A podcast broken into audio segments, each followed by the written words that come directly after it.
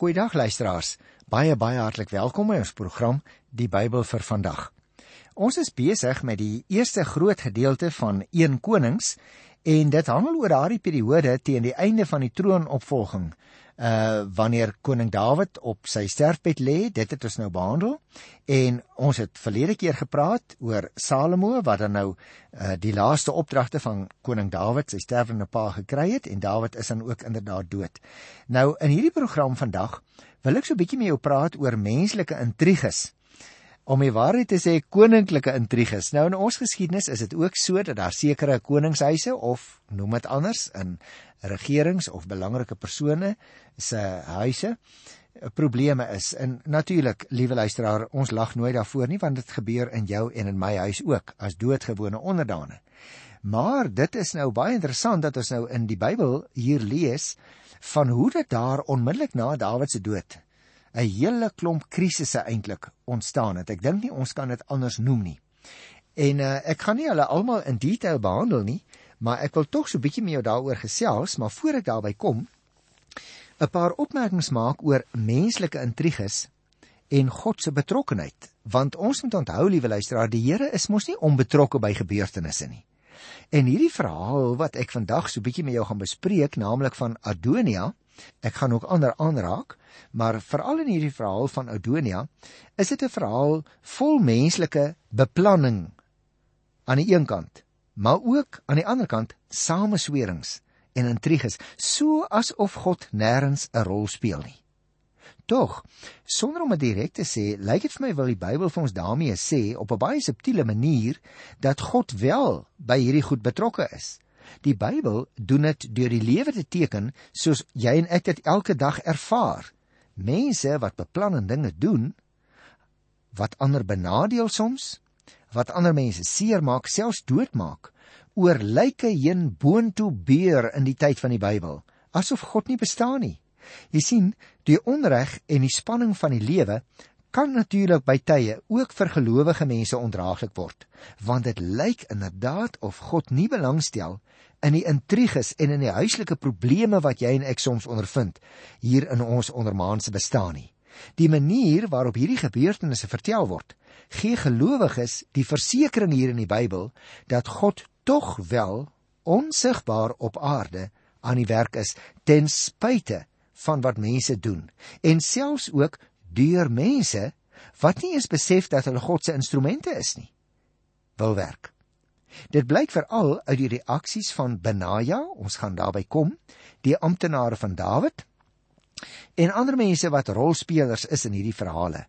Hulle word die mondstukke wat vertel dat God sy wil tot stand laat kom ten spyte van die intriges van sowel die Adonia as die Salomo party.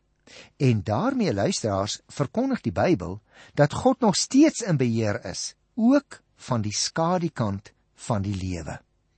Gaan kyk maar na Handelinge 4 daarvan 27 vers af, dan sal jy dit in die Nuwe Testament ook kry.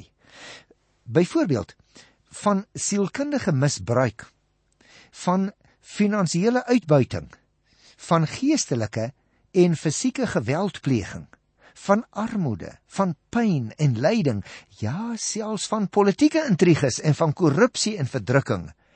Die wêreld het nie losgeruk uit God se hand nie, luisteraars, want selfs die skadukant is nog steeds deel van God se heerskappy en dit bly nog steeds onder sy beheer. Nou met hierdie inleidende opmerkings uh wil ek dan nou kom hierso by 1 Konings, die tweede hoofstuk van vers 13 af en die opskrif daarvan is Adonia wil met Abisag trou. En luisteraars, ons moet nou so 'n bietjie oplet want hier gaan nou verskillende tonele in hierdie gedeelte afspeel wat vir ons lyk, "Joe, maar het daar dan nou regtig alles op losse skroewe skielik te staan gekom nadat Salomo koning geword het?" Dit sou so lyk, maar dit was ook 'n ander soort kultuur waarin hulle geleef het. Maar kom ons kyk na hierdie verse. Ek begin dadelik by vers 13 en 14. Adonia, seun van Gagit, het na Batseba, Salomo se ma toe gegaan. Sy het vir hom gevra: "Kom jy in vrede?" "Ja," sê sy. "Ek kom net met u praat." "Praat maar," sê Batseba. Nou ek gaan ook die res van die hoofstuk behandel, maar ek wil eers hier 'n opmerking oor of twee oor maak, liewe luisteraar, want Adonia wil nou eintlik sy aanspraak op die troon opnuut versterk deur met Dawid se oppaster te trou. Dis waaroor dit hier gaan.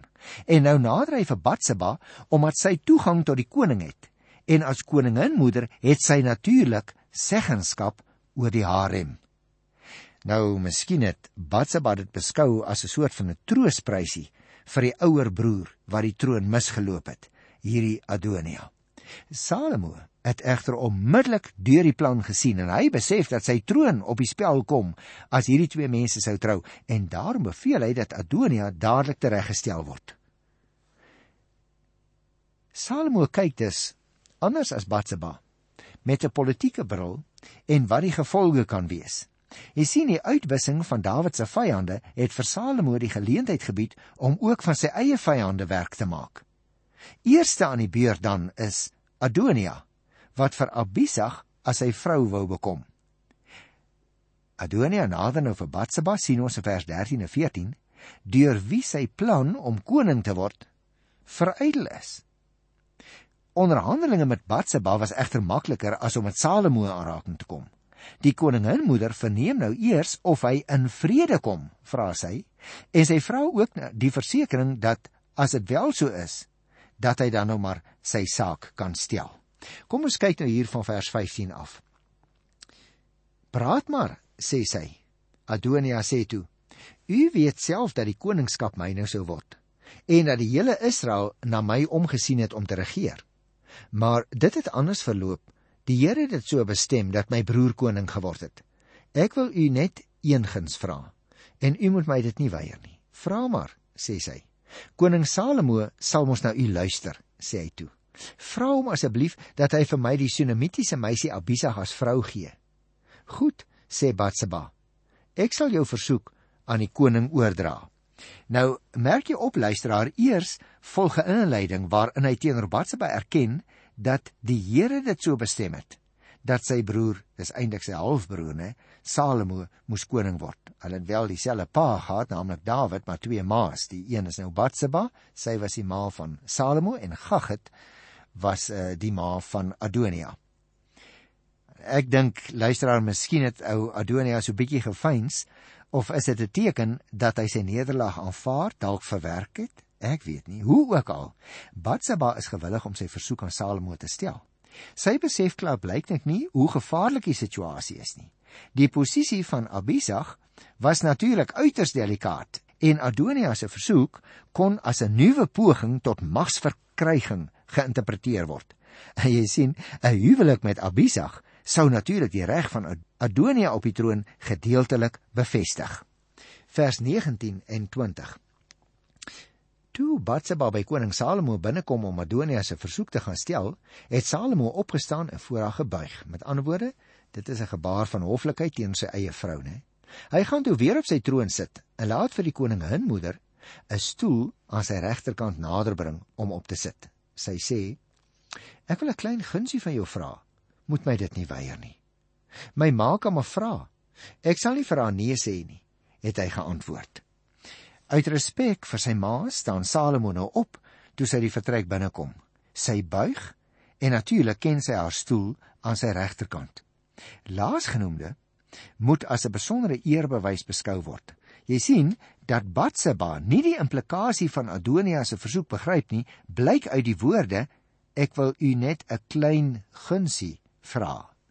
Maar vers 21 gaan sy toe verder. Sy sê: "Laat jou broer Adonia tog vir Abisag, die Sunamitiese me meisie as vrou kry." Toe sê die koning Salomo vir sy ma: "Hoekom vra u dat hy vir Abisag moet kry?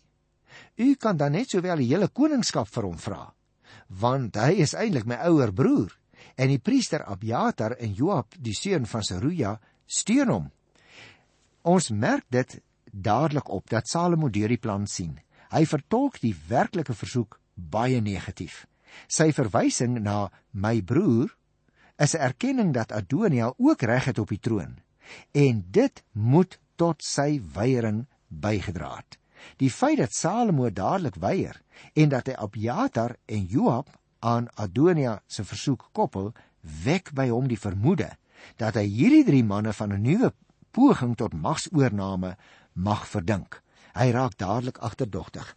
En vers 23 en 24 sê dan toe sê die koning Salomo en hy lê 'n eed voor die Here af. Mag God my met die doodstraf as Adonia nie met sy lewe hiervoor boet nie, so seker as die Here leef.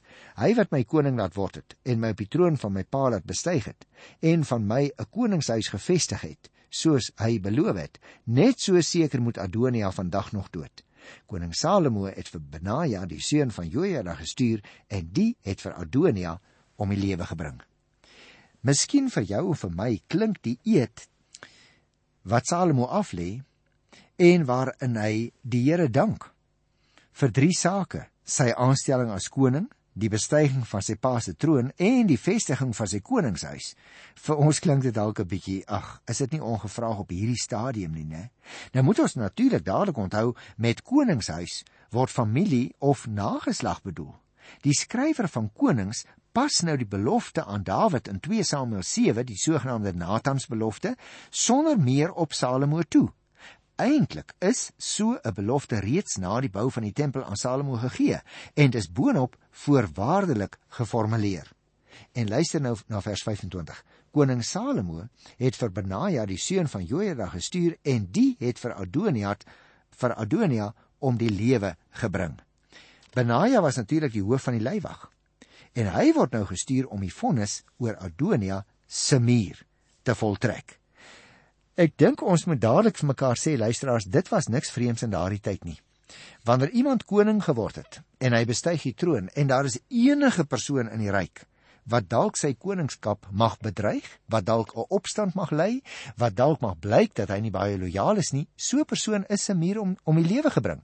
So as Salomo nou hierdie indruk kry, hierdie halfbroer van my, Adonia het tog 'n plan om ook dalk koning te word. En nou kom hy op hierdie uh, slinkse manier en hy kom vra of hy met hierdie slavin van my pa van ons pa moet ek eintlik sê Dawid mag trou dat hy daar net daarmee net 'n eenvoudige beter staanplek gaan kry en vaste grond onder sy voete en daarom laat hy hom se muur doodmaak.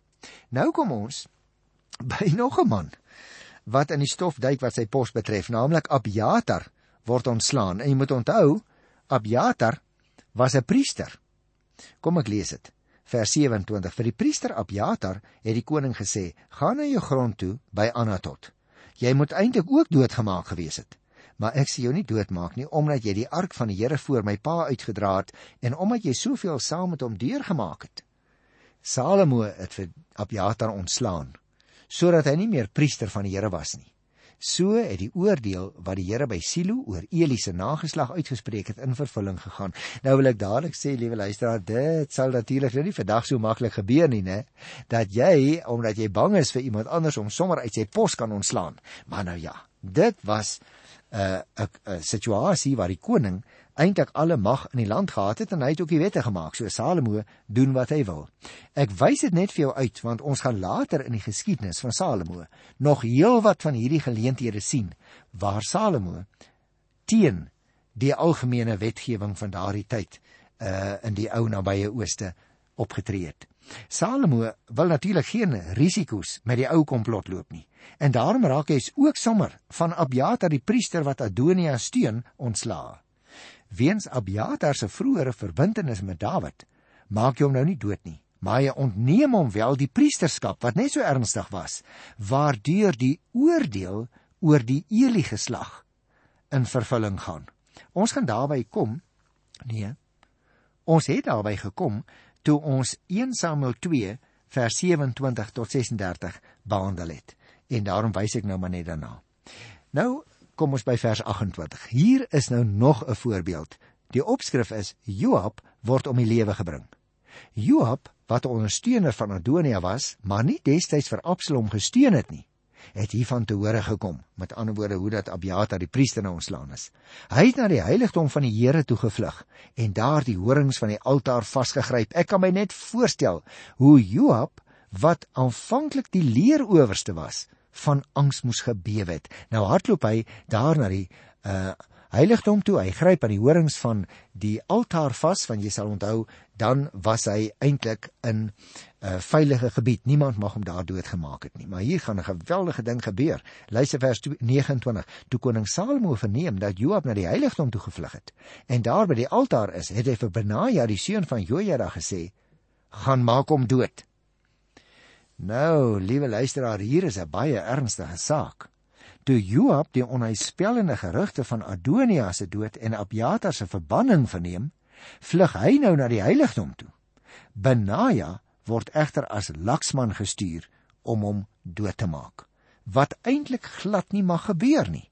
So jy sien hier reg by die aanvang van koning Salomo as regent, kom daar 'n paar krakies want hy doen wat die Here gesê het nie mag gebeur as iemand by die altaar gaan skuilings soek nie.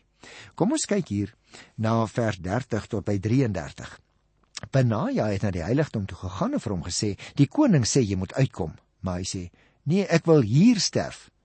Benaja het toe eers aan die koning gaan rapporteer wat Joab gesê het. Die koning sê sê toe vir Benaja: "Nes hy wil, maak hom dood en begrawe hom. So sal my en my familie onthef word van die blaam van die moorde wat Joab gepleeg het. Die Here laat hom nou sy verdienste kry. Hy het twee manne doodgemaak sonder die medewete van my pa, Abner en Amasa. Albei onskuldiger en beter mense as hy. Laat die skuld vir hulle dood vir altyd op Joab en sy nageslag rus.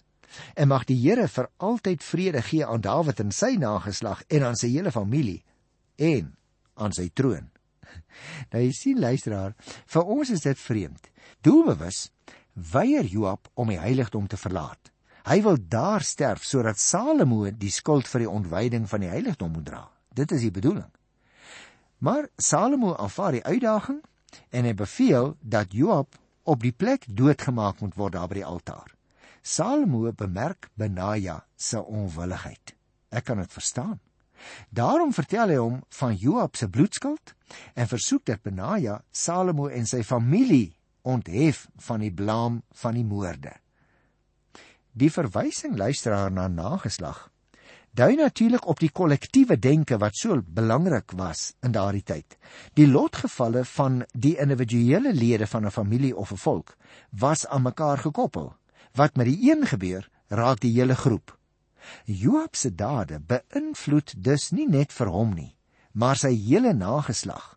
En as Dawid en Salomo nie optree nie, sou dit hulle en hulle nageslag raak. Daarom word gepraat van vrede in vers 33 en vrede sluit meer in as die staking van oorlogshandelinge. Dit dui op 'n goeie verhouding tussen God en mens, tussen mense onderling en selfs tussen natuur en mens. Maar die verhaal hou nie daarop nie. Luister na vers 4 en 35. Toe het Benaja teruggegaan en vir Joab daar aangeval by die altaar en hom doodgemaak. Hy is begrawe by sy huis in die veld. Koning Salomo het vir Benaja die seun van Jojada in Joab se plek aangestel oor die leer.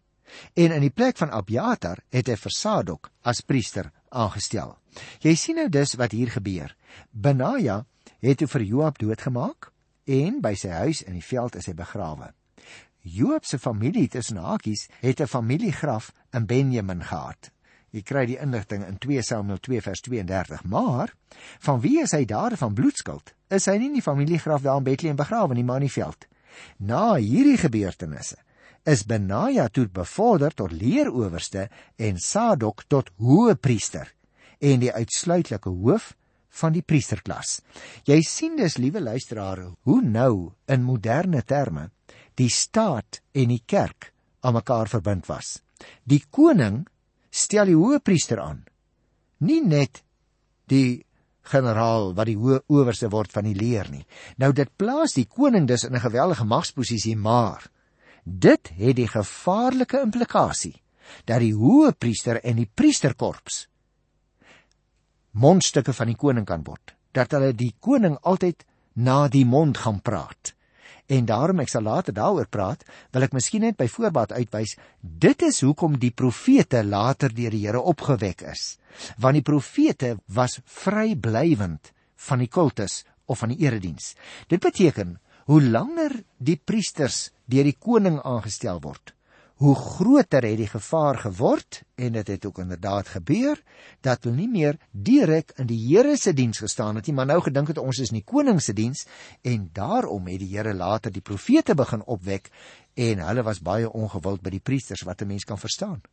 Maar kom ons lees want hier is nog 'n voorval voordat ons afsluit vir vandag. Simei word doodgemaak. Die koning, ek lees by vers 36. Die koning het vir Simei laat haal vir hom gesê: Jy mag vir jou 'n huis in Jerusalem bou en hier woon. Maar jy mag nie uit die stad gaan nie. Dit maak nie saak waarheen nie. Die dag as jy hier uitgaan en jou voete oor die Kedron spruit sit as jy dood. Dit moet jy beslis weet. Dit sal jou eie skuld wees. Simei sê toe vir die koning: Dis goed so. Ek sal die bevel van die koning eerbiedig. Simei het toe 'n hele tyd lank net in Jerusalem gebly, maar na 3 jaar het twee van sy slawe weggeloop na koning Akis van Gat, die seun van Maok toe. Toe Simei hoor dat sy slawe in Gat is, het hy sy donkie opgesaal en daar na die dorp Gat toe gery om sy slawe daar by Akis te gaan soek. Simei het net gegaan en sy slawe uit Ag teruggebring, maar toe Salomo hoor dat Simei uit Jerusalem na Gat toe was en nou teruggekom het, het hy hom laat kom en vir hom gesê: "Ek het jou dan 'n eed voor die Here laat aflê en jou gewaarsku." Die dag as jy hier uitgaan, maak nie saak waarheen nie, is jy dood. Waarom het jy dan nie aan hierdie eed voor die Here en die bevel wat ek jou gegee het getrou gebly nie? En dan verduidelik die man nou, maar ek het maar net my slawe genaal, meneer die koning. Dan sê vers 46: Die koning het vir Benaja, die seun van Jojada gestuur en die het vir Simei doodgemaak. So het Salomo 'n stewige hou vas op die koningskap gekry. Nou liewe luisteraar, ek wil amper sê dit is bietjie 'n siniese opmerking, want kyk op hoeveel grafte en bloed begin hierdie nuwe koning Salomo eintlik. Ek wys dit spesifiek 'n hele program lank vir julle uitluisteraars, omdat ons dikwels sê Dawid het bloed aan die hande gehad. Maar Salomo, nee, hy was bietjie sagter. Nee, by sy bewinsaanvaarding was Salomo byna net so erg om die waarheid te sê. Hy was erger by sy bewinsaanvaarding as Dawid, want Dawid het sagter opgetree. Simei kon natuurlik as 'n invloedryke Benjaminiet en 'n bloedverwant van Saul die Saul aspirasies laat herleef. Dit is waarskynlik wat Salomo bang gemaak het. Dit sou egter dwaas wees om hom net se muur reg te stel aangesien die Benjaminite in opstand kon kom. En daarom gebruik Salomo nou die voormensel van Simei se optrede teenoor Dawid destyds om hom tot Jerusalem in te perk waar hy wat die koning is dan 'n oogie oor hom kan laat hou. Toe Simei na 3 jaar die inperkingsbevele verontagsaam, het Salomo sy kans waargeneem en hierdie man laat doodmaak. Jy sien, die vinnige oordeel sonder behoorlike verhoor eers toon dat dit eintlik maar gegaan het om die beveiliging van Salomo se magsbasis. As 'n mens dus hierdie goed mooi bekyk, liewe luisteraar, dan vra jy jouself af, bou hierdie koning nie op sand nie?